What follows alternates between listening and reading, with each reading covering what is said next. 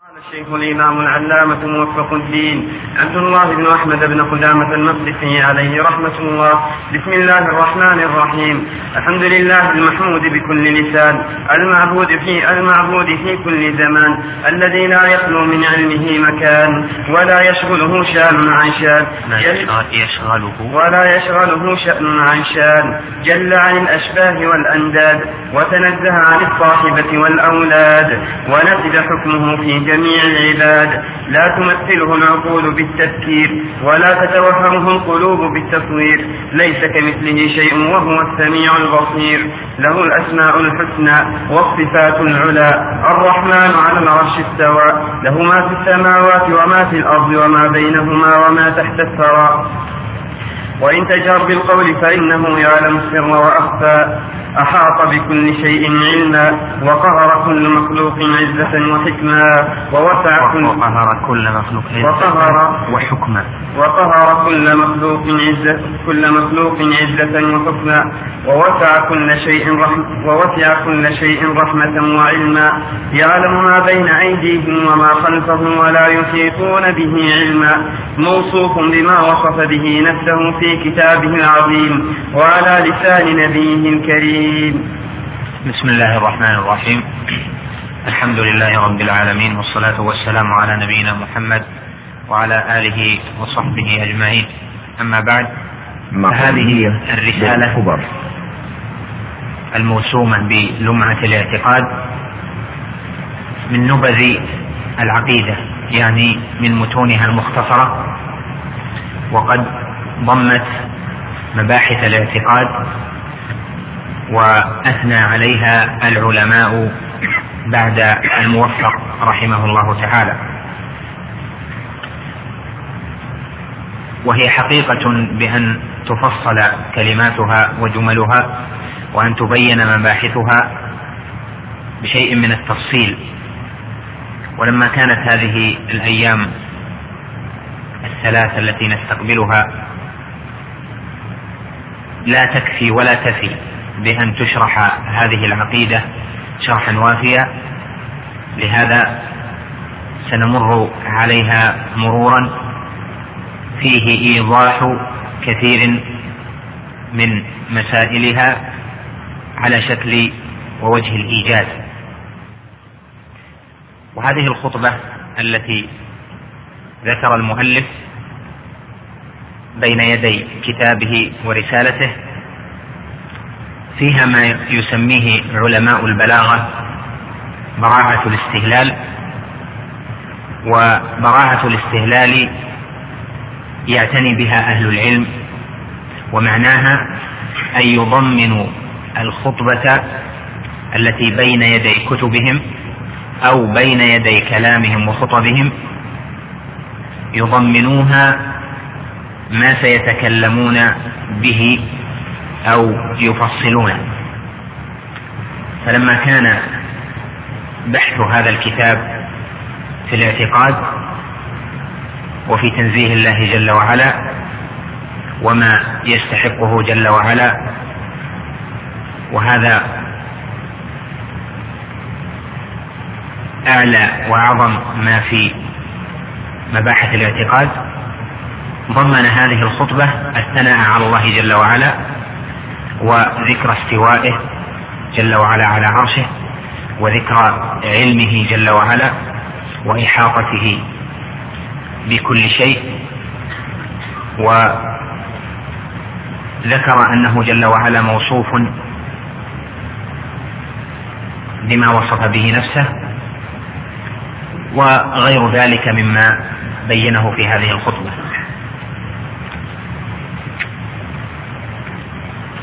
وأما خطبة الحاجة المشهورة التي وردت في حديث ابن مسعود وغيره من أن النبي صلى الله عليه وسلم كان يقول بين يدي حاجاته إن الحمد لله نحمده ونستعينه إلى آخره. فهذه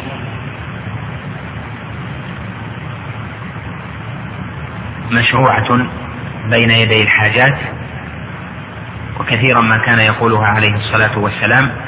ولكن ليس هذا أمرا مضطردا. ولهذا أهل العلم تارة يبدأون كتبهم وخطبهم ومؤلفاتهم بتلك الخطبة المعروفة بخطبة الحاجة وتارة يجعلون خطبهم مذكورة بما يريدون ذكره في خطبتهم أو مؤلفهم أو رسالتهم وهذا هو الذي أسلفت لك أنه يسمى براءة الاستهلال.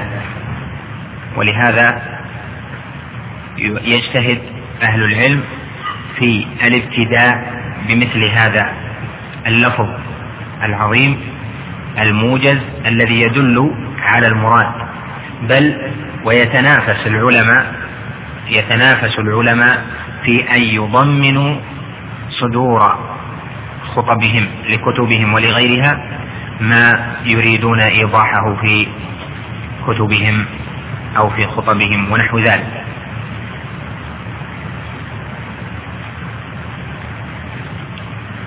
المسألة الثانية أن مباحث الاعتقاد عند أهل السنة والجماعة مبنية على شرح أصول الإيمان الستة ألا وهي الإيمان بالله وملائكته وكتبه ورسله واليوم الآخر وبالقدر خيره وشره من الله تعالى. فالإيمان بالله يشمل الإيمان بأنه جل وعلا واحد في إلهيته مستحق للعبادة دون ما سواه والإيمان بأسمائه جل وعلا وصفاته وأنه واحد في أسمائه وصفاته لا شبيه له ولا مثيل في أسمائه وصفاته. وهذا البحث يعني الكلام عن الإيمان بالله لم يكن في أول الإسلام يعني في القرون الأولى لم يكن ثم حاجة إلى إفراد الكلام عن توحيد الألوهية بخصوصه وإنما كانوا يكتفون بالإجمال فيه لأجل عدم وقوع الشرك في هذه الأمة وعدم ظهوره. فكانت جل مباحث الاعتقاد فيما يتصل بمبحث الإيمان بالله عن الأسماء والصفات. وغيرها يعرض له بشكل من الإجمال. لكن لما ظهر الشرك وفشى كان لزاما أن يفرد هذا بالتصنيف. ولهذا لا تجد في مباحث الاعتقاد التي في هذه الرسالة الكلام مفصلا عن توحيد العبادة. وعن توحيد الإلهية بما اعتنى به العلماء من بعد. وإنما تجد الكلام مفصلا في مباحث توحيد الأسماء والصفات. وهذا لأجل الحاجة إليه في زمن تأليف مثل تلك الرسالة فكلما كانت حاجة العباد إلى إيضاح أمر أكثر كلما اعتنى به أهل العلم وأظهروا. اذا كتب توحيد الإلهية توحيد العبادة من مثل كتاب التوحيد وكشف الشبهات وثلاثة الأصول ونحوها من الكتب. هذه فيها بيان لتوحيد الإلهية الذي هو أحد مباني العقيدة في ركنه الأول وهو الإيمان بالله. ثم يذكر الإيمان بالملائكة والكتب والرسل كما سيأتي ايضاحه إن شاء الله تعالى ثم الإيمان باليوم الآخر وهذا يدخل فيه الإيمان بالغيبيات. إذا أتى أهل العلم للكلام على اليوم الآخر والإيمان به فإنهم يذكرون الكلام على الغيبيات وما يجب على المسلم اعتقاده فيها. وطريقة أهل السنة والجماعة فيها المخالفة والمنابذة لطرق أهل الزيغ والضلال والبدع. ثم الإيمان بالقدر خيره وشره.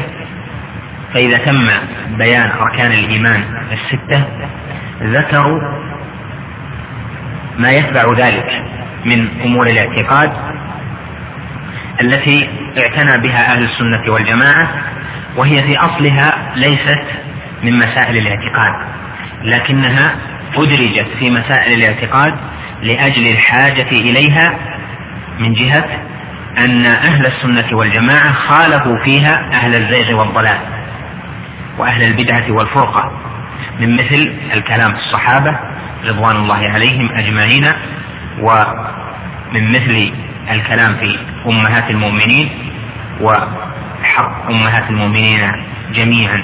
على المؤمنين بعامة ومن مثل الكلام في الإمامة وما يجب من طاعة أولي الأمر في المعروف وأن الإمامة واجبة وأن البيعة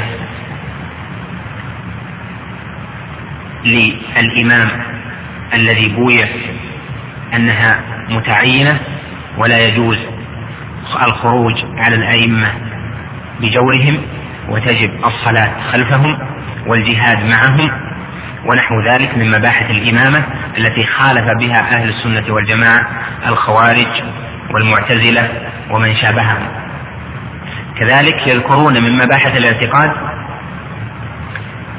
مثل المسح على الخفين وذلك مخالفة لمن لا يرى المسح على الخفين. كذلك يذكرون في مباحث الاعتقاد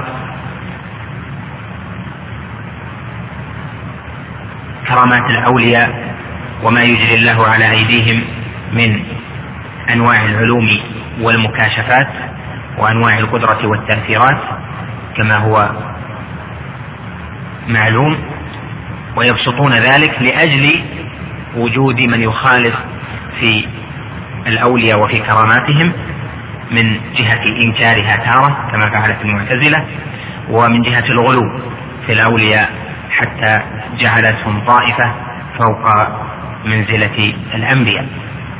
وهكذا مسائل الأخلاق تذكر ضمن مسائل اعتقاد أهل السنة والجماعة. إذا فمعتقد أهل السنة والجماعة يشمل هذه الأمور جميعا. وليس معتقد أهل السنة والجماعة خاص بالاعتقاد في الله جل وعلا وأسمائه وصفاته واليوم الآخر والقدر كما قد يظن. بل معتقد أهل السنة والجماعة يشمل هذا جميعا لأنه به فارقوا أهل البدع والزيغ الذين يردون النصوص ولا يلتزمون بالسنة ولا يخضعون لها ويحكمونها على أنفسهم تحكيما تاما. وبهذا التوجه تميز أهل السنة بأنهم يعظمون السنة. ويعظمون أهلها وينبذون من خالفها أو خالف أئمتها. إذا فنحن فيما نستقبل إن شاء الله تعالى سنعرض بإيجاز لهذه المباحث التي سيذكرها المؤلف بدون تطويل ولا تفصيل مع أنه كان ينبغي أن تفصل لكن لما كان الوقت قصيرا فإننا نكتفي بإشارات مجملة. نعم. مع تحيات إخوانكم في تسجيلات مثل ما جاء في القرآن أو صح عن المصطفى عليه السلام من صفات الرحمن وجب الإيمان به وتلقيه بالتسليم والقبول وترك التعرض وترك التعرض له بالرد والتأويل والتشبيه والتمثيل وما أشكل من ذلك وجب إثباته لفظا وترك التعرض لمعناه ونرد علمه إلى قائله. ونجعل عهدته على ناقله اتباعا لطريق الراسخين في العلم الذين أثنى الله عليهم في كتابه المبين بقوله سبحانه وتعالى والراسخون في العلم يقولون آمنا به كل من عند ربنا وقال في ذم مبتغي التأويل لمتشابه تنزيله الحمد لله. أهديكم الله. أما الذين في قلوبهم زيغ فيتبعون ما تشابه منه ابتغاء الفتنة وابتغاء تأويله وما يعلم تأويله إلا الله فجعل ابتغاء التأويل علامة الزيغ وقرنه بابتغاء الفتنة في الذنب ثم حجبهم عما أملوه وقطع أطباع وقطع أطماعهم عما قصدوه بقوله تعالى وما يعلم تأويله إلا الله هذا بيان للأصل الأول ألا وهو أن أهل السنة والجماعة تميزوا عن غيرهم بالتسليم لما جاء به الرسول صلى الله عليه وسلم. من القرآن العظيم ومن سنته عليه الصلاة والسلام. فسنة النبي صلى الله عليه وسلم وحي. والقرآن كلام الله جل وعلا. فما أتانا في الكتاب والسنة وجب اعتقاده والتسليم له وتصديقه في الأخبار واتباعه في الأمر والنهي والأحكام. وها هنا ذكر المؤلف أن ما أشكل من النصوص وجب الإيمان به لفظا. وترك التعرض لمعناه. وهذا لأن أهل السنة والجماعة قالوا إن النصوص النصوص نصوص الكتاب والسنة واضحة بينة لأن الله جل وعلا أنزل كتابه وجعله واضحا بينا. بلسان عربي مبين وجعله محكما كما قال جل وعلا ألف لام راء كتاب أحكمت آياته ثم فصلت من لدن حكيم خبير فجعل جل وعلا كتابه كله محكما يعني بينا واضحا لا يستبهم معناه ولا يغمض ما دل عليه. على الناس. كذلك هو جل وعلا ذكر أن كتابه متشابه. فقال جل وعلا الله نزل أحسن الحديث كتابا متشابها. فجعله كله متشابها. ومعنى ذلك أنه يشبه بعضه بعضا. وفي آية آل عمران جعل جل وعلا منه آيات محكمات هن أم الكتاب وأخر متشابهات. وأخر متشابهات وهذا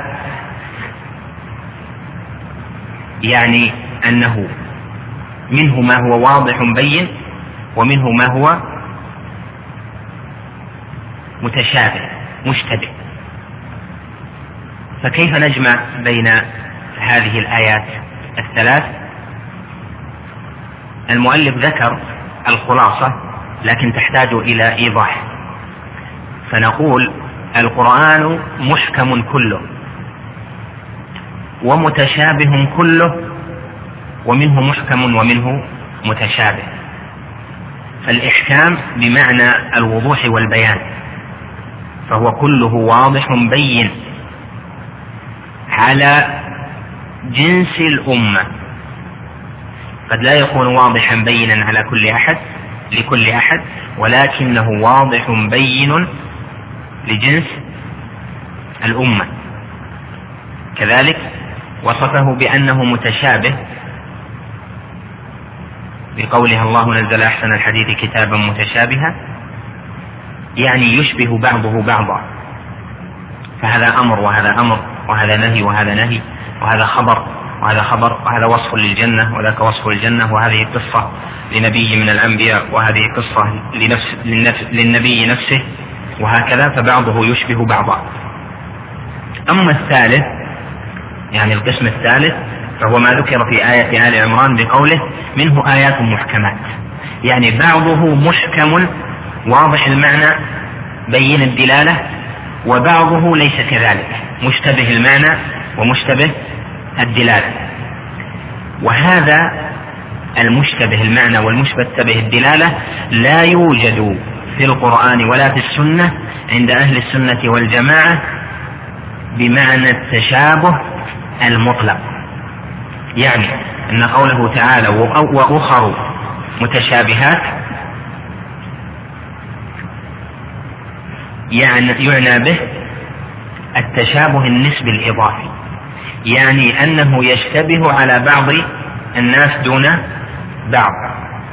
أما التشابه المطلق بحيث يقال هذه الآية من المتشابه أو يقال ألف لام ميم هذا من المتشابه يعني لا أحد يعلم معناه فهذا من الخطأ ولا يقول به أهل السنة بل أهل السنة يقولون إنه يمكن أن توجد آيات تشتبه على بعض أهل العلم فلا يعلم معناها لا يعلم معناها من جهة هذا المطالع لكن ليس من جهة الأمة بأجمعها فيعلم بعض أهل العلم المعنى والبعض الآخر لا يعلم المعنى. ولهذا ابن عباس لما تلا هذه الآية قال أنا ممن يعلمون تأويله. أنا ممن يعلمون تأويله. فإذا التشابه أو يقال هذه الآية من المتشابه لا يوجد المتشابه المطلق. يعني الذي لا يعلم أحدا الذي لا يعلم أحد معناه. بل لا بد أن يوجد في الأمة من يعلم معنى كل نص. فالقرآن نزل بلسان عربي مبين. نزل ليهتدي به الناس كذلك السنة. فلا يوجد نص يستبهم على جميع أهل العلم وعلى الأمة لا. وهذا القول بأنه هناك ما يستبهم على الجميع ولا يفهم معناه الجميع هذا إنما هو قول أهل البدع. فإذا المؤلف هنا قسم إلى قسمين باعتبار بعض الناس لا باعتبار الجميع. فقال النصوص نتلقاها بالتسليم والاعتقاد من غير أن نردها. أو نشبه أو نمثل. وهذا هو في القسم الأول يعني الآيات المحكمات الواضحات ما اشتبه عليك قال وجب الإيمان به لفظا. وهذا اللفظ الذي ذكره في قوله وجب الإيمان به لفظا مما انتقد على الإمام موفق الدين بن قدامة. فإنه في هذه العقيدة الموجزة انتقدت عليه ثلاث مسائل. هذه أولها وهي قوله وجب الإيمان به لفظا. ويمكن أن يخرج كلامه يعني أن يحمل على محمل صحيح. أما الانتقاد فهو أن يقال إن الواجب أن يؤمن أن نؤمن به لفظا ومعنى. لكن إذا جهلنا المعنى نؤمن بالمعنى على مراد الله جل وعلا على مراد الله أو على مراد رسوله صلى الله عليه وسلم. كما سيأتينا من كلمة الإمام الشافعي أنه قال آمنت بالله وبما جاء عن الله على مراد الله وآمنت برسول الله صلى الله عليه وسلم وبما جاء عن رسول الله صلى الله عليه وسلم على مراد رسول الله. يعني إذا جهل المعنى. فإذا جهلت المعنى تؤمن باللفظ والمعنى لكن المعنى على مراد من تكلم به. ووجه الانتقاد الذي انتقد به الإمام ابن قدامة في هذه اللفظة أنه يجب الإيمان باللفظ والمعنى. أما الإيمان بلفظ مجرد عن المعنى فهذا هو قول أهل البدع الذين يقولون نحن نؤمن بألفاظ الكتاب والسنة دون إيمان بمعانيها لأن معانيها قد تختلف. والجواب أن هذا غلط. بل معاني الكتاب والسنة هي على المعنى العربي. فالقرآن نزل بلسان عربي والنبي صلى الله عليه وسلم تكلم بلسان عربي فلهذا وجب أن يؤمن بالكتاب والسنة على ما تقتضيه لغة العرب وعلى ما يدل عليه اللسان العربي. وهذا أصل من الأصول. لكن إذا اشتبه عليك المعنى كلمة في القرآن ما علمت معناه. حديثا إما في الصفات أو في الغيبيات لم تعلم معناه.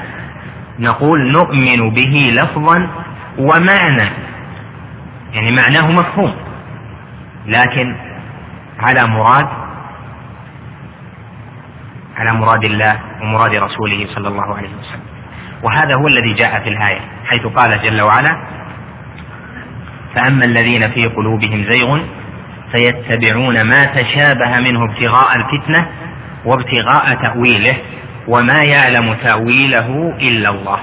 والراسخون في العلم يقولون آمنا به كل من عند ربنا. هنا قال وما يعلم تأويله إلا الله. ما يعلم تأويله إلا الله. ماذا يعنى بهذا التأويل؟ إذا قلنا إن كل آية لا بد أن نعلم معناها وكل حديث لا بد أن يوجد في الأمة من يعلم معناه فما معنى قوله تعالى وما يعلم تأويله إلا الله؟ الجواب أن ما أنزل الله جل وعلا على قسمين إما أن يكون أخبارا وإما أن يكون أحكاما. وتأويل الأخبار يكون بوقوعها. وتأويل الأحكام الأمر والنهي يكون بإيقاعها. فقوله تعالى هنا وما يعلم تأويله إلا الله يعني تلك الأخبار.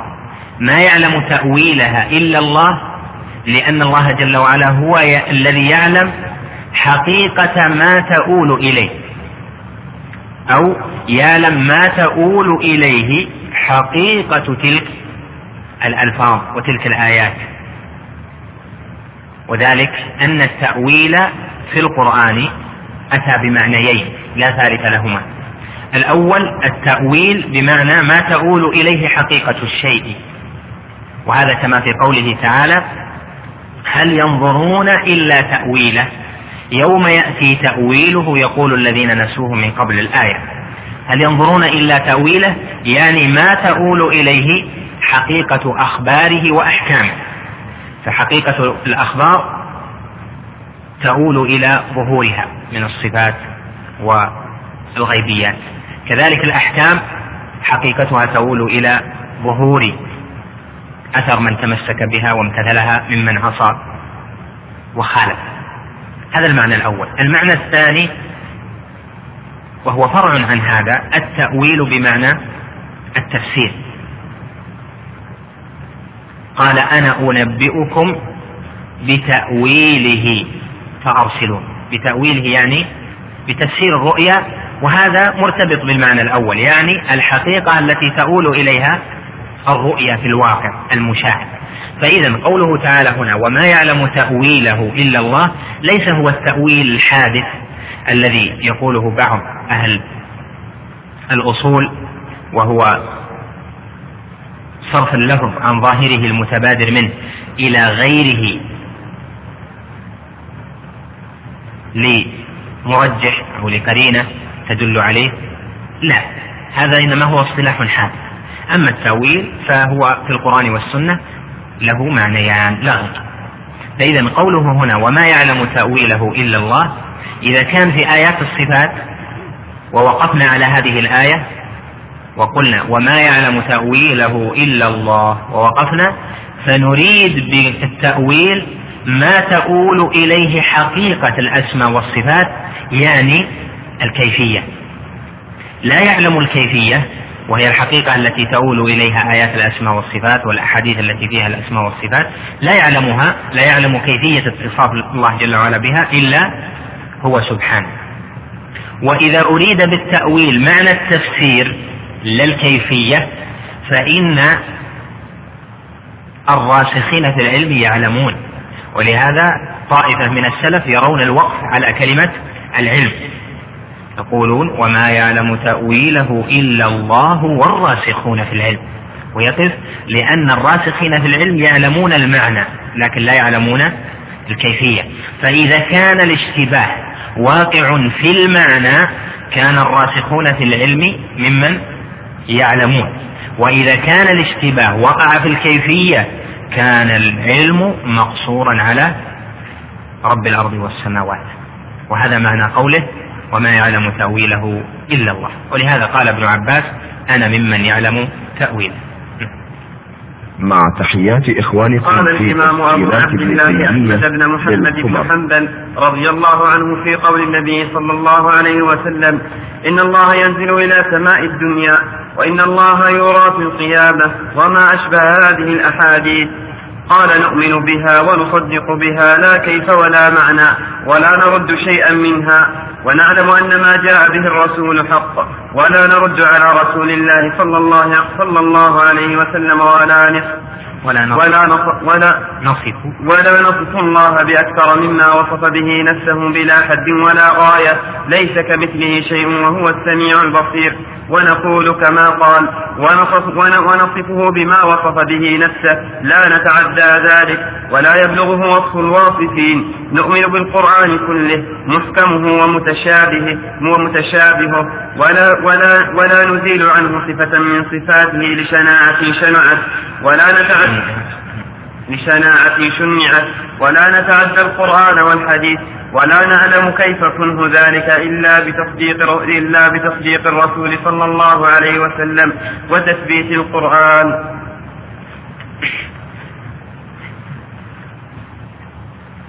هذا الكلام من إمام أهل السنة والجماعة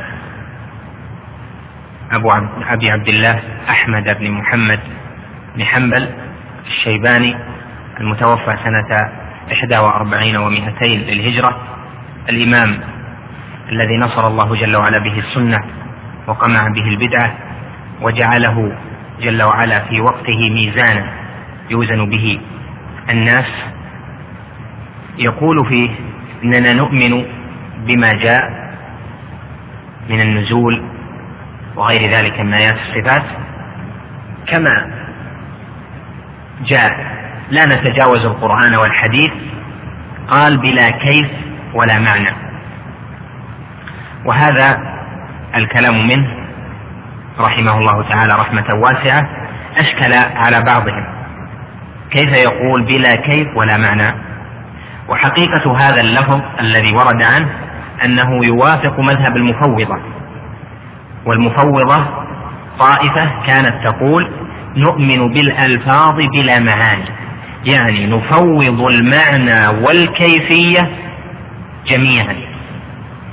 وهذا معتقد باطل وبدعة شنيعة. وإنما الواجب تفويض العلم بالكيفية. أما المعنى فهو ظاهر لأن القرآن أنزل بلسان عربي مبين. فإذا كان أهل السنة والجماعة يؤمنون بالألفاظ والمعاني يعني بما دل عليه اللفظ من كلام العرب فكيف إذا يحمل كلام الإمام أحمد في قوله بلا كيف ولا معنى؟ وهذه أيضا مما أخذ على المؤلف حيث لم يوضح المراد بكلمة الإمام أحمد.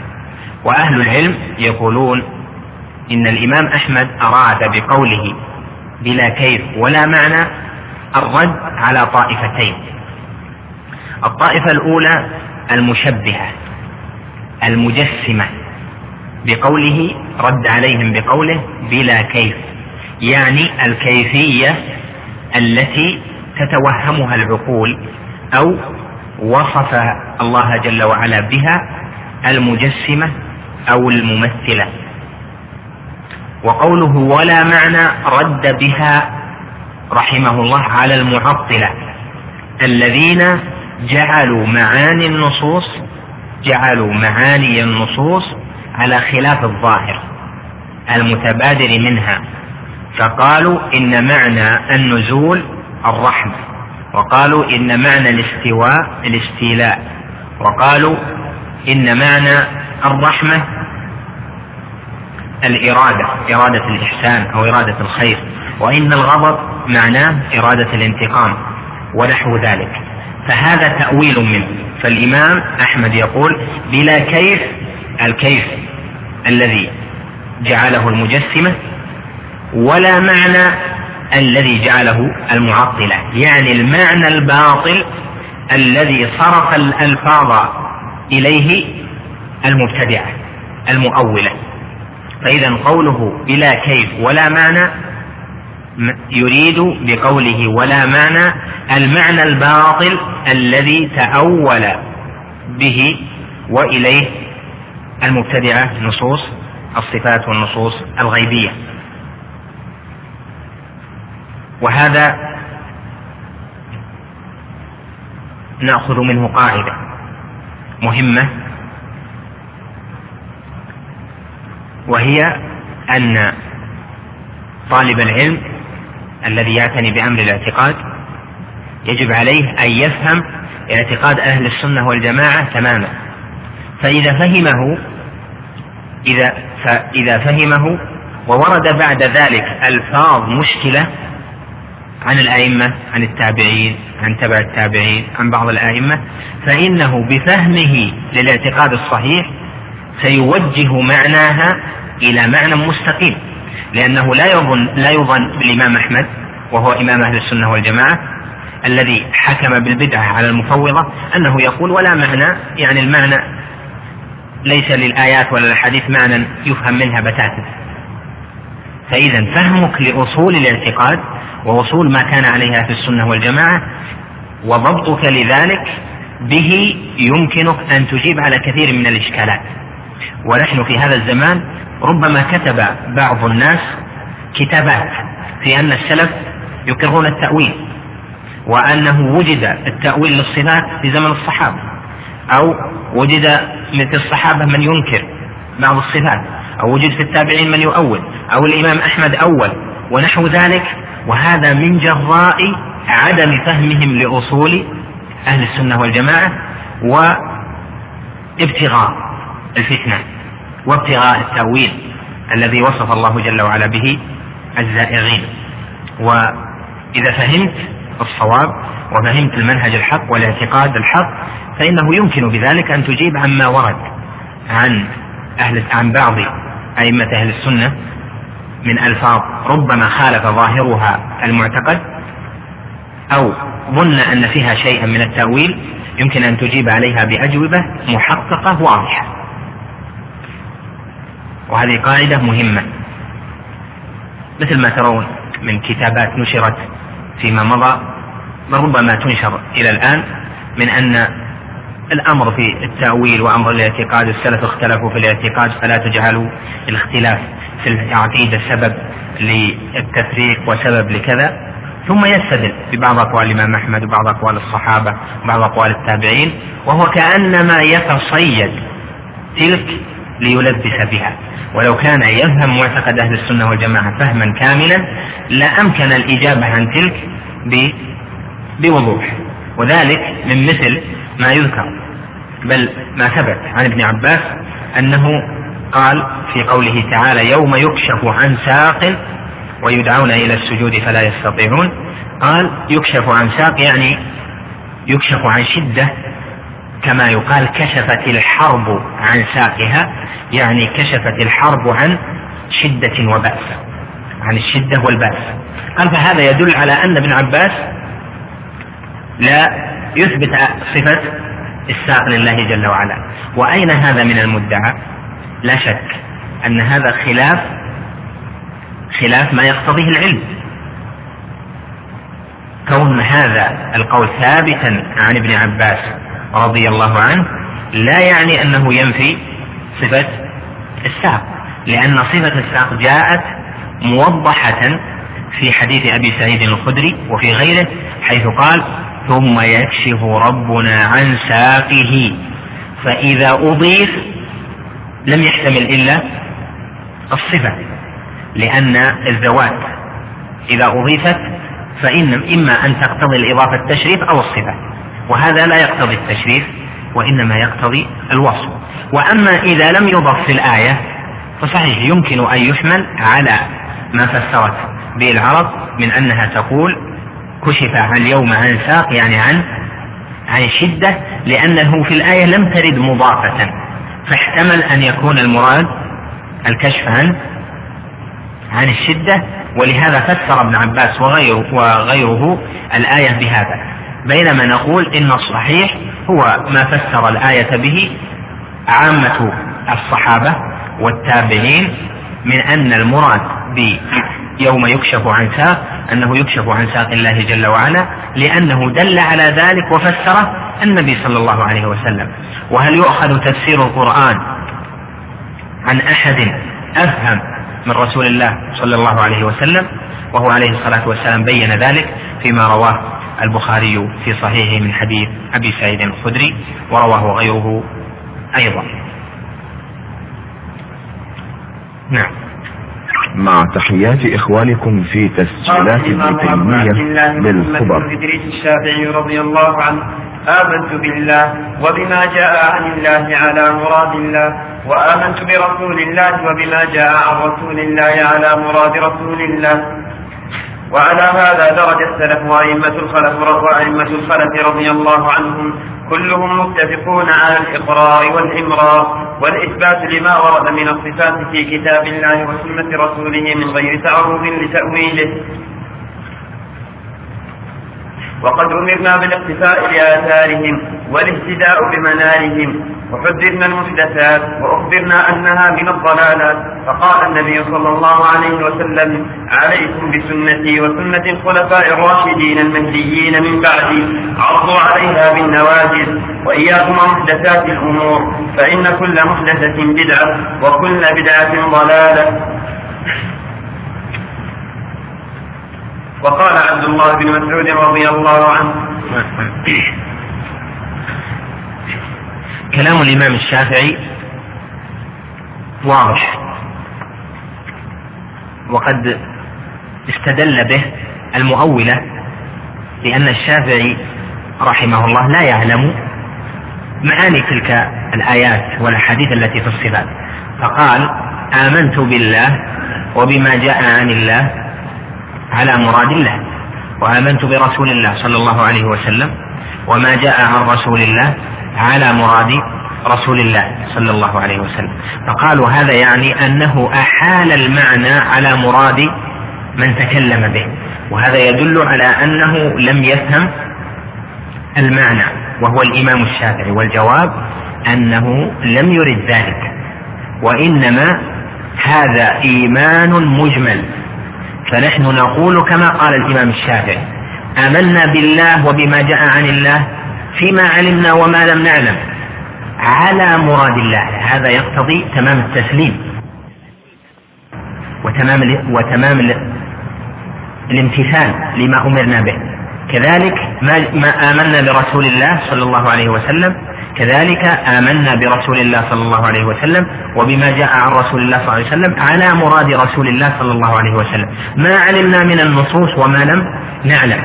فهذا إيمان مجمل معناه أننا لا نترك شيئا مما جاء عن الله ولا عن رسول الله صلى الله عليه وسلم إلا ونحن مؤمنون به.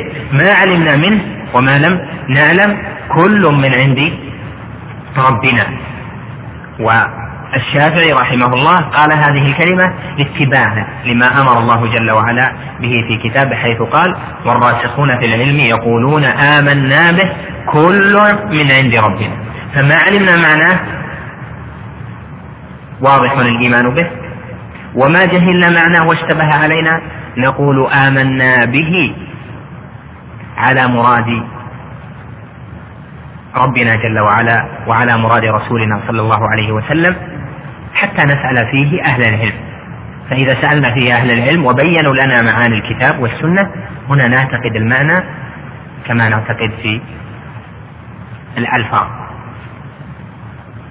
ثم ذكر أن التأويلات هذه محدثة وهذا ظاهر بين.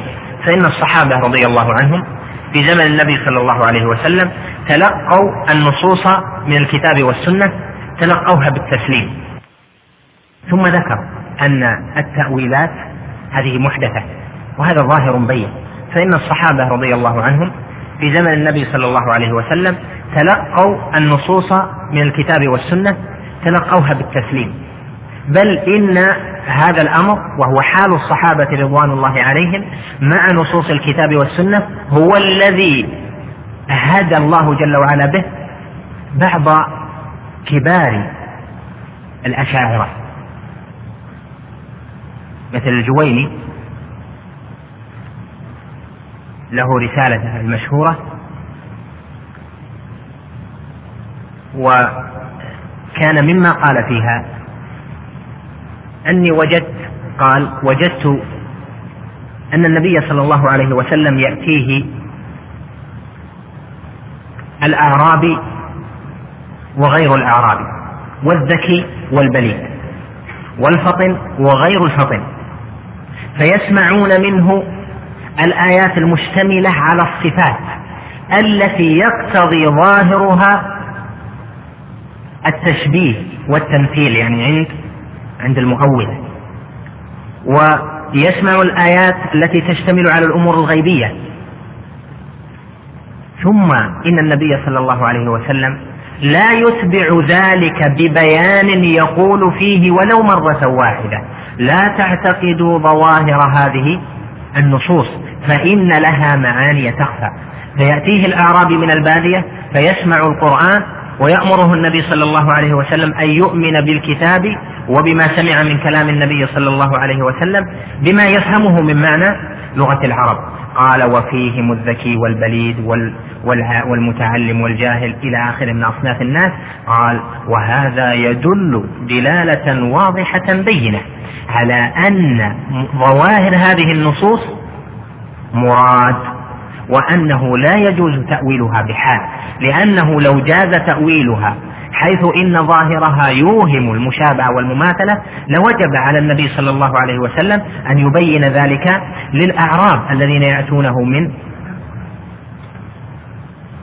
بقاع شتى وهم على جهل جهل وعلى عدم علم وربما توهمت أنفسهم في تلك المعاني ظاهر ما يدل عليه اللفظ.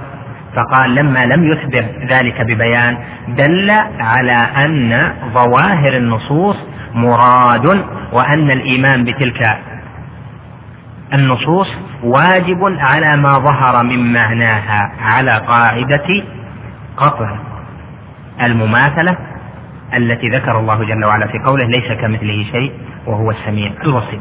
اذا في عهد الصحابة لم يحدث تأويل ولم يحدث خلاف في الاعتقاد وكذلك في عهد التابعين حتى بدت في أواخر عهد التابعين بدت الضلالات تظهر مع طوائف من الخوارج ثم المعتزلة ثم انتشر ذلك في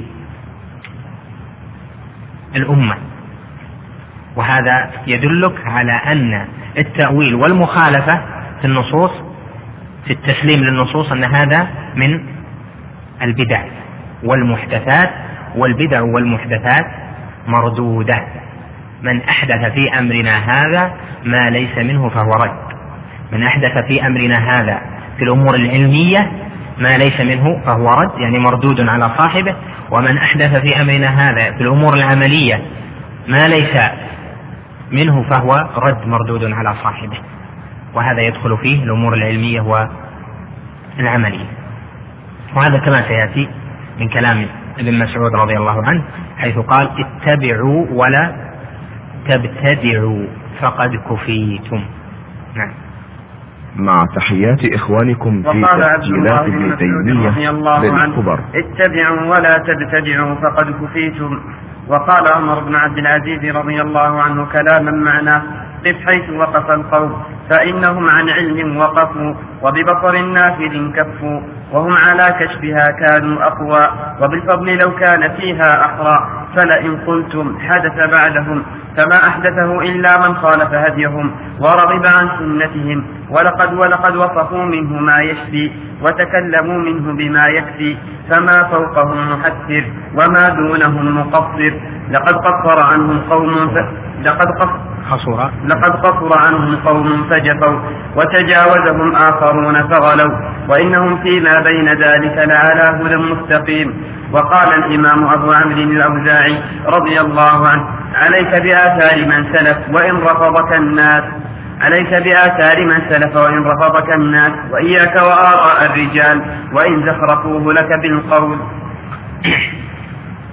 رضي الله عن عمر بن عبد العزيز. فلقد نصحنا بنصيحة شافية كافية. لو كان في القلوب حياة. قال عليك بآثار من سبق. ثم وصف من سبق وهم الصحابة رضي الله عنهم بأنهم على علم وقفوا. على علم وقفوا. وببصر نافذ كفوا. فقسم حال الصحابة إلى قسمين. الأول أنهم وقفوا على علم فهم أعلم الناس. أعلم هذه الأمة هم صحابة رسول الله صلى الله عليه وسلم وهم أحرى بالعلم من غيرهم وما بعدهم ينقص فيهم العلم. فالصحابة هم أهل العلم وأهل الإدراك وأهل العقول المستقيمة وأهل الأفهام المستنيرة. هم أهل فهم الكتاب والسنة وتفسير الكتاب والسنة إنما يؤخذ من مشكاة الصحابة رضوان الله عليهم. وصفهم عمر بن عبد العزيز رضي الله عنه بقوله فإنهم على علم وقفوا. وقفوا على علم العلم عن رسول الله صلى الله عليه وسلم أو على علم علموه من الكتاب والسنة بما فهموه ما تقتضيه لغة العرب أو بما علمه بعضهم بعضا. فما ذكروه من المسائل ذكروه على علم وعلى بصيرة. هذا هو القسم الأول. والقسم الثاني ما كفوا عنه وسكتوا عنه. قال وببصر نافذ كفوا. ببصر نافذ كفوا عما كفوا عنه. فلم يدخلوا في مسائل مما دخل فيها من بعدهم لأجل عجزهم لا ولكن لأجل نفوذ بصرهم وبصيرتهم وفهمهم وإدراكهم وعلمهم فإنهم تكلموا فيما تكلموا فيه على علم وقفوا عليه وما سكتوا عنه أو لم يدخلوا فيه فإنهم كفوا عنه ببصر وبصيرة. وهذا هو الذي يجب فإنه يجب علينا أن ننبذ الآراء والعقول والأفهام التي تخالف ما كان عليه صحابة رسول الله صلى الله عليه وسلم. في أمور الاعتقاد جميعا بل وفي أمور الدين جميعا. فكل ما كان عليه صحابة رسول الله صلى الله عليه وسلم فهذا هو الميزان المستقيم الذي تزن به فهمك وتزن به الأحوال والأمور والفئات والناس لأن لأننا أمرنا بالاتباع.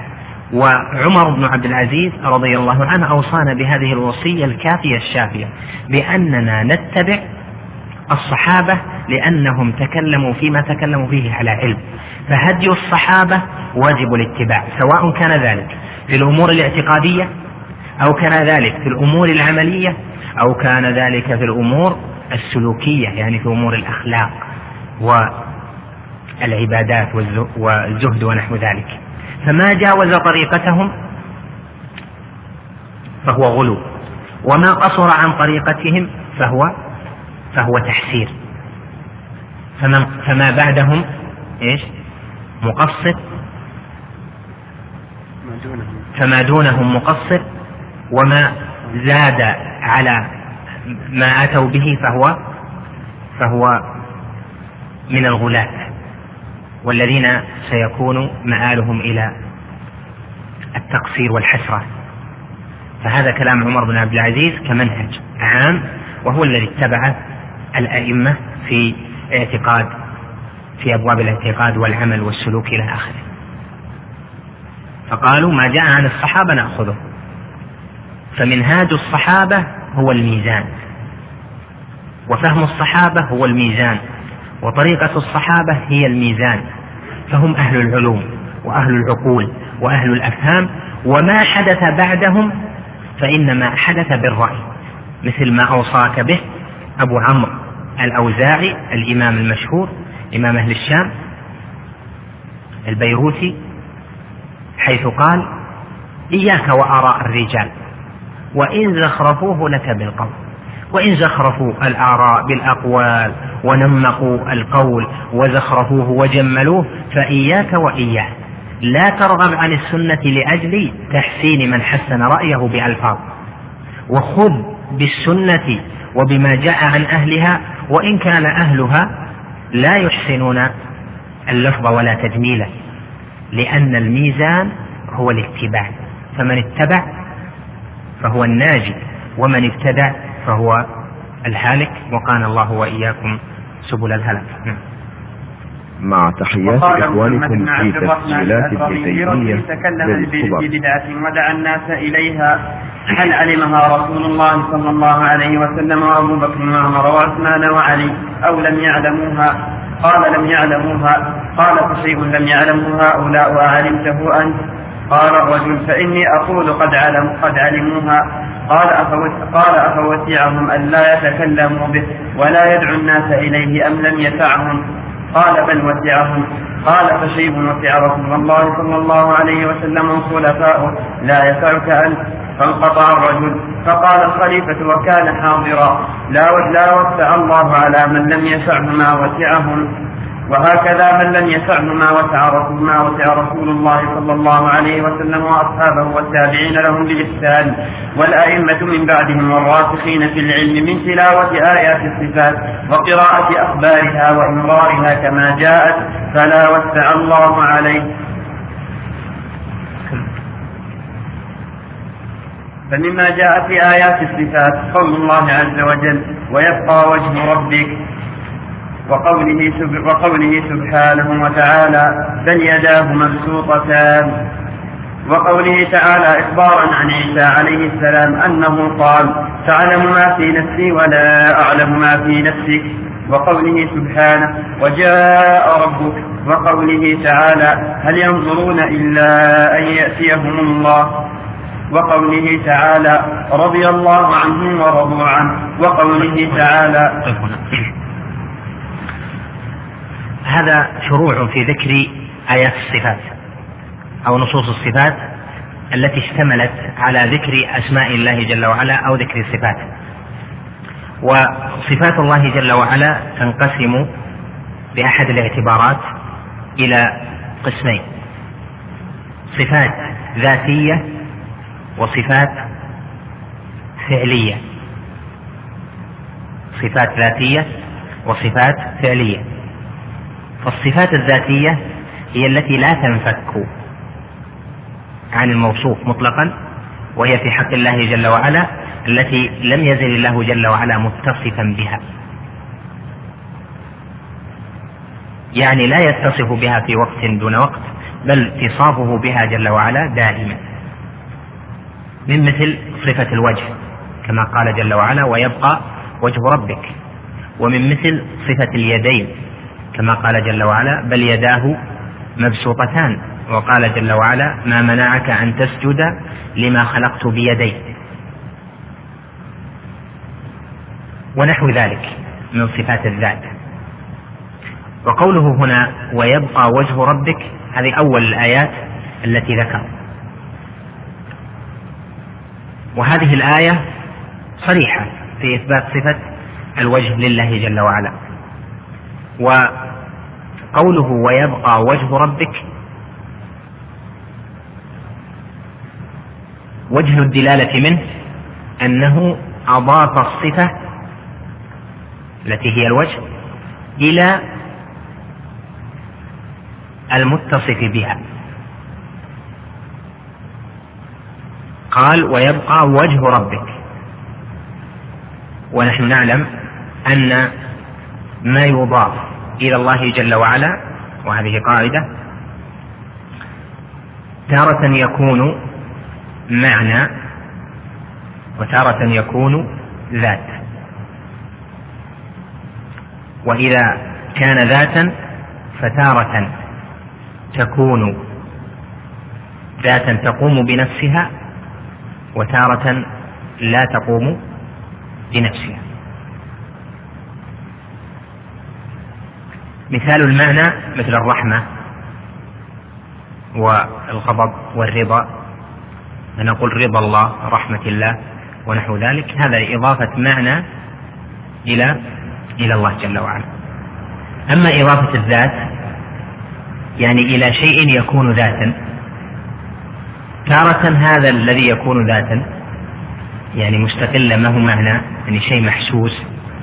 يعني يمكن أن تفهمه بأنه ليس وصفا بدون ذات ولكنه ذات. هذا تارة يكون قائما بنفسه مثل قوله ناقة الله. فهنا أضاف الناقة إلى إلى نفسه جل وعلا. فقال ناقة الله وسقياها. والبيت بيت الله. مثل ما جاء في الحديث ثم خرج إلى بيت من بيوت الله. أو ثم مشى إلى بيت من بيوت الله. فهذا أضاف البيت إلى الله.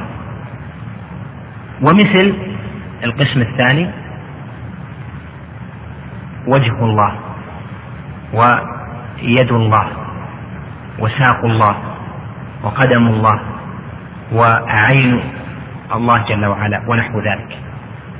فإذا إذا أضيف ما يقوم بنفسه فهذا الأصل أنه تكون الإضافة للتشريف. تكون الإضافة للتشريف والتعظيم. فقوله ناقة الله أضاف جل وعلا الناقة إلى نفسه ومعلوم أن الناقة ذات منفصلة تقوم بنفسها. فهذا يقتضي تشريف ما أضافه الله جل وعلا إلى نفسه ويقتضي تعظيمه. الثاني مثل بيت الله أيضا كذلك. أما وجه الله يد الله فوق أيديهم بأعيننا ونحو ذلك فالعين والوجه واليد والقدم والساق ونحو ذلك هذه ذوات لكنها لا تقوم بنفسها. صحيح؟ يعني لا يوجد وجه بدون صاحب وجه. لا توجد يد بدون صاحب يد. لا توجد عين بدون صاحب عين. فهذه إذا أضيفت إلى الله جل وعلا أو إلى غيره فهذه تقتضي الصفة لا تقتضي التشريف بها. فإذا تلخص هنا أن الإضافة في الذوات على قسمين. تارة تكون إضافة للتشريف وهو ما أضيف من الأعيان مما يقوم بنفسه وتارة الإضافة تقتضي الوصف إذا كان لا يقوم بنفسه. وقوله هنا ويبقى وجه ربك وجه الاستدلال أنه أضاف إيش؟ الوجه إلى الله جل وعلا. فقال عز من قائل سبحانه ويبقى وجه ربك. ويبقى وجه ربك. فأضاف الوجه إلى الرب. فدل على أنه صفة له. المبتدئة يقولون الوجه هنا بمعنى الذات. هي الوجه بمعنى الذات. يعني ويبقى وجه ربك يعني ويبقى ربك. نقول هنا قال جل وعلا ويبقى وجه ربك ثم وصف الوجه. بقوله ويبقى وجه ربك ذو ذو الجلال والإكرام. ولما أراد أن يصف الرب جل وعلا قال تبارك اسم ربك إيش؟ ذي الجلال والإكرام. فوصف جل وعلا في أول السورة الوجه بأنه ذو الجلال والإكرام ووصف نفسه سبحانه دون اسمه في آخر السورة بقوله تبارك اسم ربك ذي الجلال والإكرام. وذلك أن الله جل وعلا بصفاته أن الله جل وعلا هو ذو الجلال والإكرام وكذلك صفاته ذات جلال وإكرام. قوله بل يداه مبسوطتان. يداه تجري عليها القاعدة. هذه من آيات الصفات أم لا؟ جواب نعم من آيات الصفات لأنه أضاف ذاتا لا تقوم بنفسها إلى الله جل وعلا أضافها إلى نفسه فدل على أن إضافة صفة إلى موصوف إلى متصف بها. واليد في القرآن أتت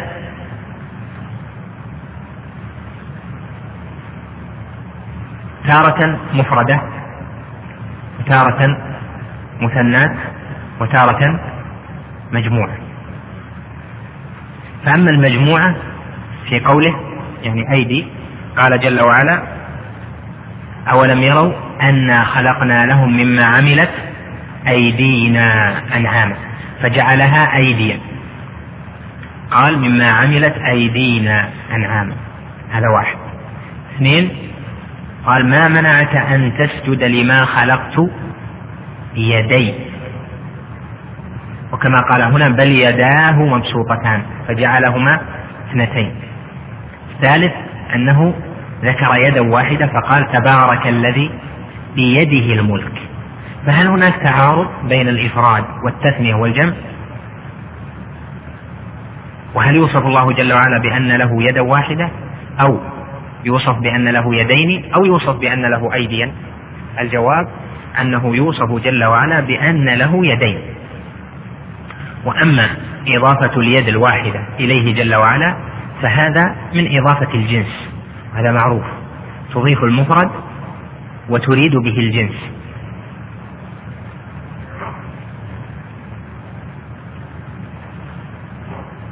وأما الجمع في قوله أولم يروا أنا خلقنا لهم مما عملت أيدينا فهنا جمع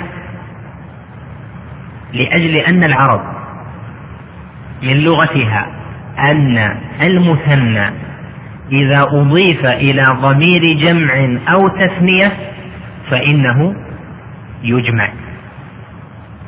من لغة العرب أن المثنى إذا أضيف إلى ضمير تثنية أو جمع فإنه يجمع لأجل خفة اللفظ.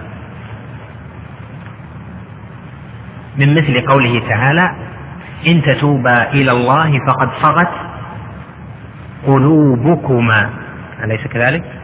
إن تتوبا إلى الله. هما امرأتان. أليس كذلك؟ فخاطبهما بقوله إن تتوبا إلى الله. ثم قال فقد صغت قلوبكما. والمرأتان لهما كم قلب؟ لهما قلبان كل واحدة لها قلب واحد. فإذا كان كذلك فلم جمع؟ الجواب لأن هذا من سنن لسان العرب. أنه إذا أضيف المثنى إلى ضمير تثنية أو جمع فإنه يجوز جمعه. طلبا لخفة اللفظ فهنا في قوله أولم يروا أنا خلقنا لهم مما عملت أيدينا؟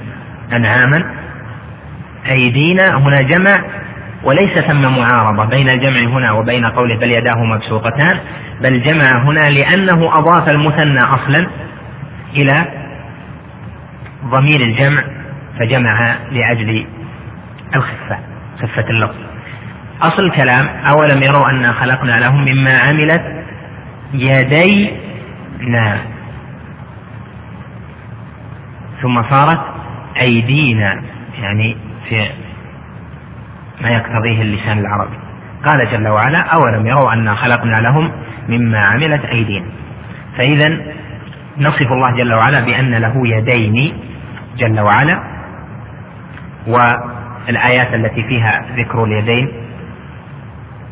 تدل على التثنية وأما المفرد فلا يعارض التثنية والجمع كذلك لا يعارض التثنية. على أن بعض أهل العلم حمل قوله أولم يروا أنا خلقنا لهم مما عملت أيدينا؟ قال هذا جمع وأقل الجمع اثنان وهذا إحالة إلى أمر مختلف فيه.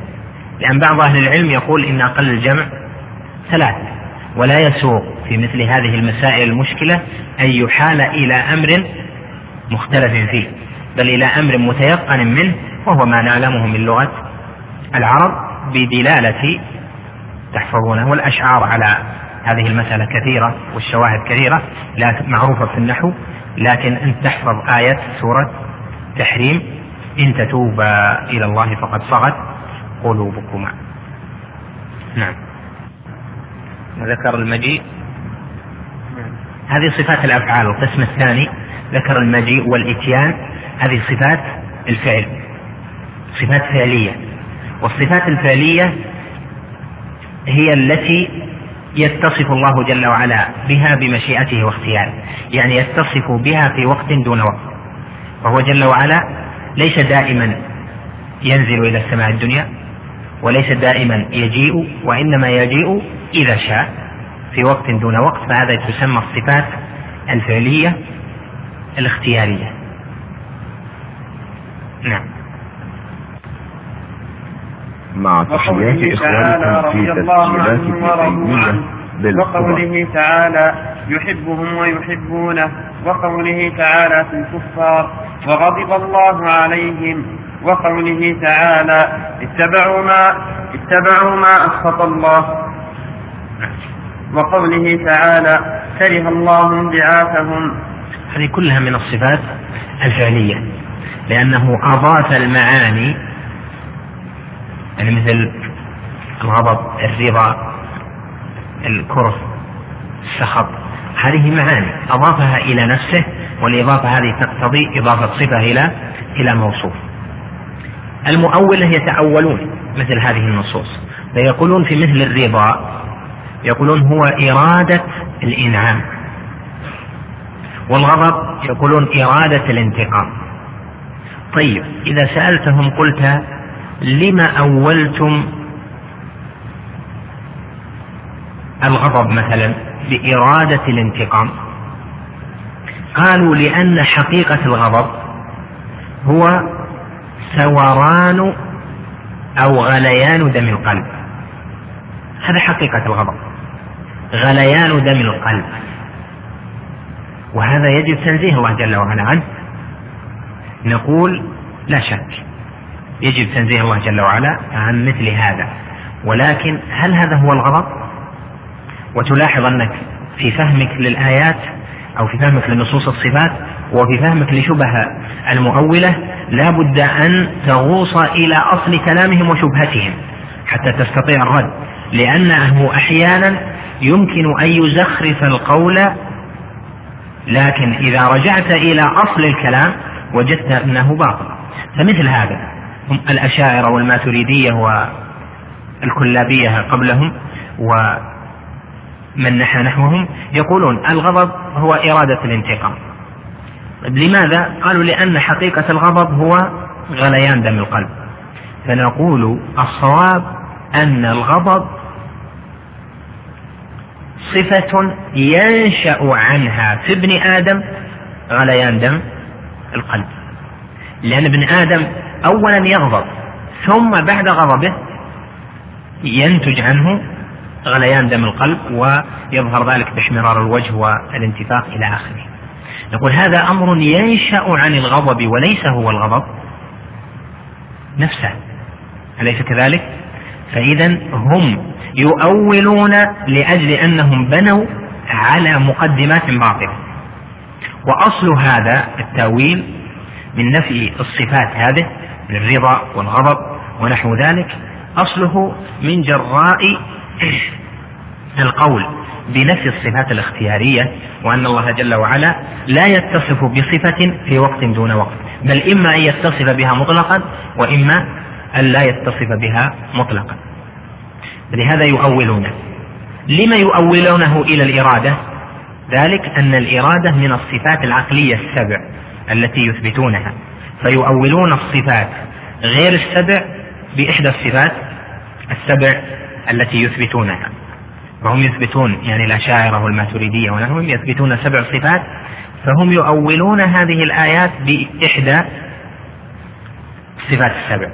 أما المعتزلة والجهمية فتارة يجعلون الاسم أو الصفة يراد به مخلوقا منفصلا. يعني يقولون رضي الله عنه الرضا بمعنى المرضي عنه. الرحيم وهو الغفور الرحيم الغفور هو ما حصل لمن يعني المغفور له. ليس هو صفة لله لكن ما حصل للعبد. فالمخلوق هو الذي يقال هو الغفور الرحيم ونحو ذلك. هذا عمل الجهمية والمعتزلة وتجدون هذا في بعض التفاسير. وأما الماتريدية والأشاعرة والكلابية فهم يفسرونها بإحدى الصفات السبع تارة يفسرونها بالإرادة في بعض الصفات وتارة يفسرونها مثلا بالقدرة ونحو ذلك. مثل التوفيق والخذلان يفسرونها بالقدرة. أنهم يثبتون القدرة فيفسرون توفيق الله جل وعلا لعبده وخذلانه جل وعلا لعبده بالقدرة المقصود من هذا أننا نثبت هذه الصفات سواء كانت صفات ذاتية أو صفات فعلية اختيارية أو غير اختيارية نثبتها جميعا لله جل وعلا دون تفريق كما جاء في نصوص الكتاب والسنة وهذا أصل من الأصول ونقول إن هذا الاتصاف لله جل وعلا بهذه الصفات على أساس قوله تعالى ليس كمثله شيء وهو السميع البصير. فهنا قال ليس كمثله شيء. والكاف هنا في قوله ليس كمثله شيء الكاف هنا من أهل العلم من يقول هي صلة يعني زائدة. ومعنى كونها زائدة يعني للتأكيد. فقوله ليس كمثله شيء في تقدير قولك ليس مثله شيء ليس مثله شيء لأن العرب تزيد حرفا أو كلمة وتريد بالزيادة تكرير الجملة يعني وتأكيد الجملة. فقوله تعالى ليس كمثله شيء على هذا القول وهو أن الكاف هنا صلة يكون المعنى ليس مثله شيء ليس مثله شيء. فهو تأكيد للجملة بتكرارها. وهذا من مثل قوله لا أقسم بهذا البلد لا أقسم بيوم القيامة. هل هو ترك للقسم أو إثبات للقسم؟ من أهل العلم وهو القول الظاهر أنه قسم. لا أقسم بيوم القيامة معناها أقسم لكن لا هنا صلة لتأكيد القسم. فيكون المعنى بوجود لا معناه أقسم بيوم القيامة أقسم بيوم القيامة. وهذا من أسرار اللسان العربي الشريف.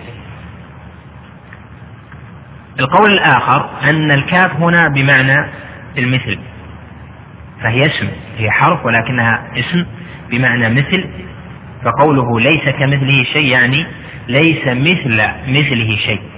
وهذا يقتضي المبالغة في نفي المثيل.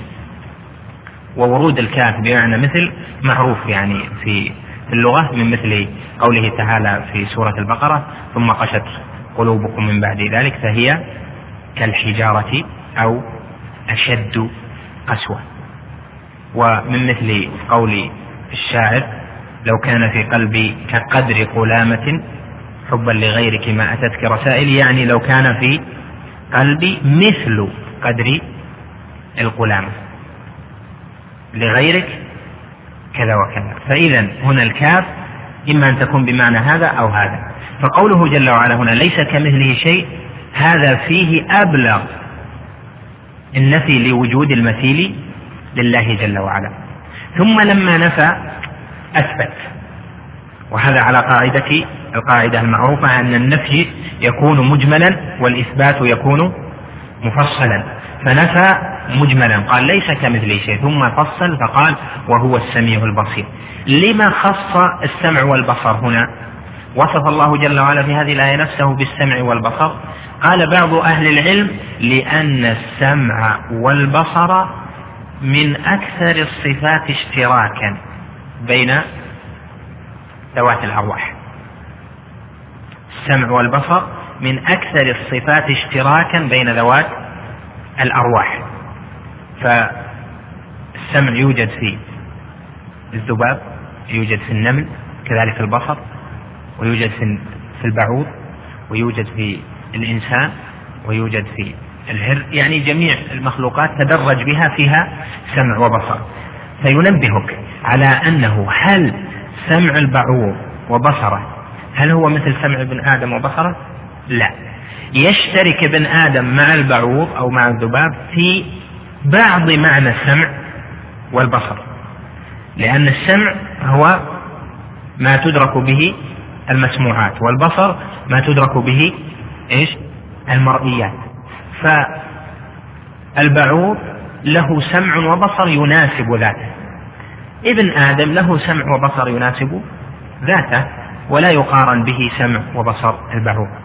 فنبه الله جل وعلا بهاتين الصفتين السمع والبصر لأجل اشتراكها في كثير من ذوات الأرواح من أنه كما أنها لا تتماثل ذوات الأرواح في الاتصاف بهاتين الصفتين فكذلك فإن الله جل وعلا له سمع وله بصر وهو السميع البصير مع قطع المماثلة وقطع طمع إدراك الكيفية لصفات الله جل وعلا. فله جل وعلا سمع وبصر يناسب ذاته العظيمة الجليلة جل وعلا وتقدس وتعاظم. نواصل إن شاء الله. غدا. أسأل الله جل وعلا أن ينفعني وإياكم وصلى الله وسلم على نبينا محمد. مع تحيات إخوانكم في تسجيلات الحمد لله رب العالمين وصلى الله على سيدنا محمد وعلى آله وصحبه أجمعين. قال المصنف رحمه الله تعالى ومن السنة قول النبي صلى الله عليه وسلم ينزل ربنا تبارك وتعالى كل ليلة إلى سماء الدنيا. وقوله يعجب ربك من الشاب ليست له صبوة. وقوله يضحك الله إلى رجلين قتل أحدهما الآخر ثم يدخلان الجنة. فهذا وما أشبهه مما صح سنده وعدلت رواته. نؤمن به ولا نرده ولا نجحده ولا نتأوله بتأويل يخالف ظاهره ولا نشبهه بصفات المخلوقين ولا بسمات المحدثين ونعلم أن الله سبحانه وتعالى لا شبيه له ولا نظير ليس كمثله شيء وهو السميع البصير وكل ما تخيل في الذهن أو خطر بالبال فإن الله تعالى بخلافه ومن ذلك قوله تعالى الرحمن على العرش استوى. بسم الله الرحمن الرحيم. الحمد لله رب العالمين. الصلاة والسلام على نبينا محمد وعلى آله وصحبه أجمعين. أما بعد فلما ذكر المؤلف ابن قدامة رحمه الله تعالى أن الأصل الجامع لمذهب أهل السنة والجماعة في الأسماء والصفات أنهم يمرونها كما جاءت بإثبات ذلك لفظا ومعنى والإيمان بما اشتملت عليه لا يتجاوزون القرآن والحديث بدأ بتفصيل الكلام على بعض الصفات فذكر بعض الأدلة من التنزيل من القرآن على بعض الصفات كما مر معنا. ثم ذكر ما هو من الأحاديث في الصفات فذكر حديث النزول وهو قول النبي صلى الله عليه وسلم ينزل ربنا كل آخر ليلة. وفي لفظ آخر ينزل ربنا في الثلث الأخير من كل ليلة. وفي بعض الروايات في النصف الأخير من كل ليلة. فينادي عباده هل من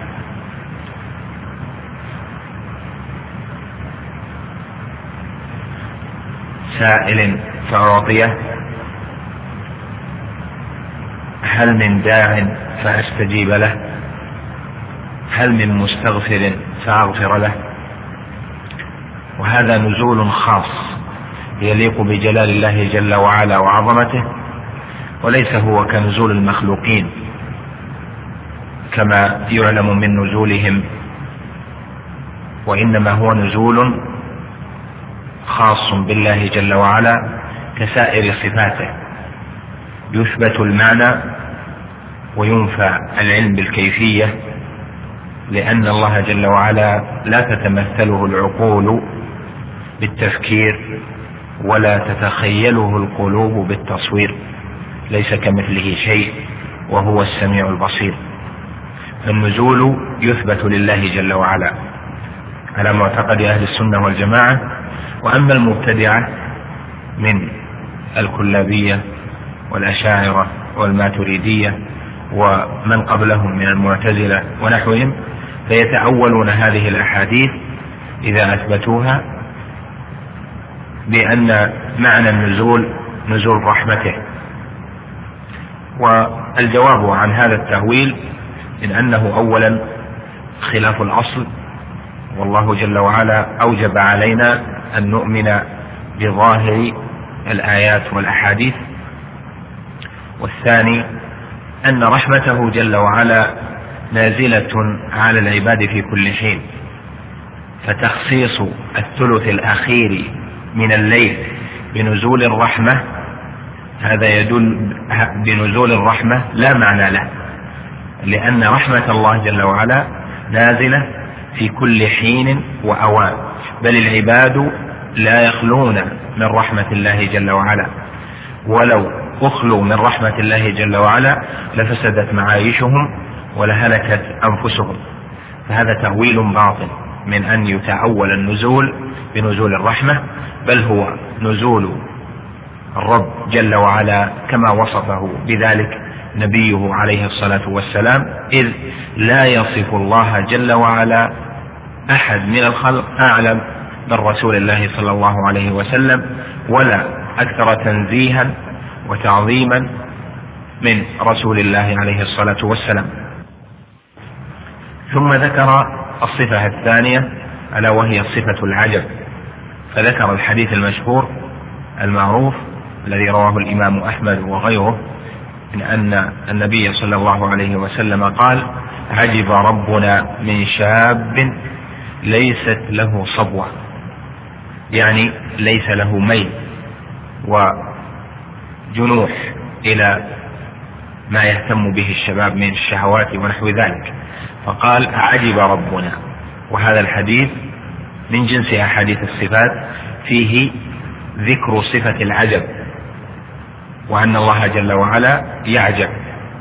وهذه الصفة صفة العجب ذكرت في القرآن في قول الله تعالى في سورة الصافات بل عجبت ويسخرون وإذا ذكروا لا يذكرون على القراءة السبعية الثانية إذ في الآية قراءتين إذ في الآية قراءتان القراءة الأولى بل عجبت ويسخرون والقراءة السبعية المتواترة الثانية بل عجبت ويسخرون. فإذا يكون صفة العجب دل عليها القرآن والسنة ويوصف الله جل وعلا بالعجب كما وصف به نفسه. وليس وصف الله جل وعلا بالعجب من الفعل أو مما يعمله العبد. ليس هذا ناتج عن عدم العلم بل هو من من كماله جل وعلا.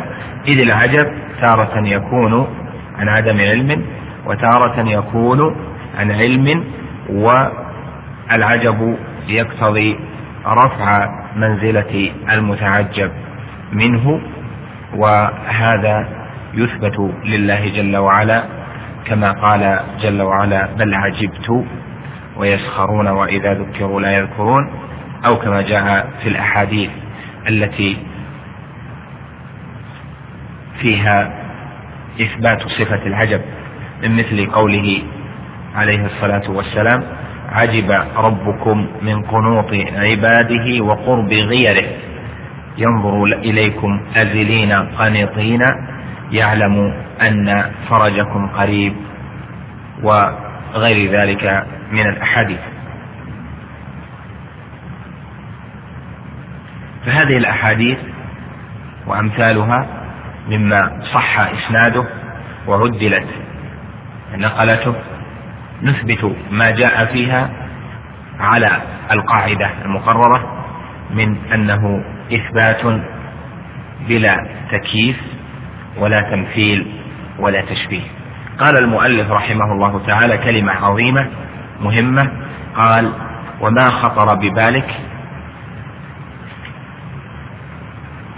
فإن الله جل وعلا بخلافه إذا خطر في بال المرء أن الله جل وعلا في اتصافه بالصفة يكون على النحو الذي خطر بباله أو تخيل صورة فليجزم بأن الله جل وعلا بخلاف ما تخيل. وذلك لأن المرأة لا يمكن أن يتخيل شيئا أو أن يتصور شيئا إلا إذا كان قد رآه.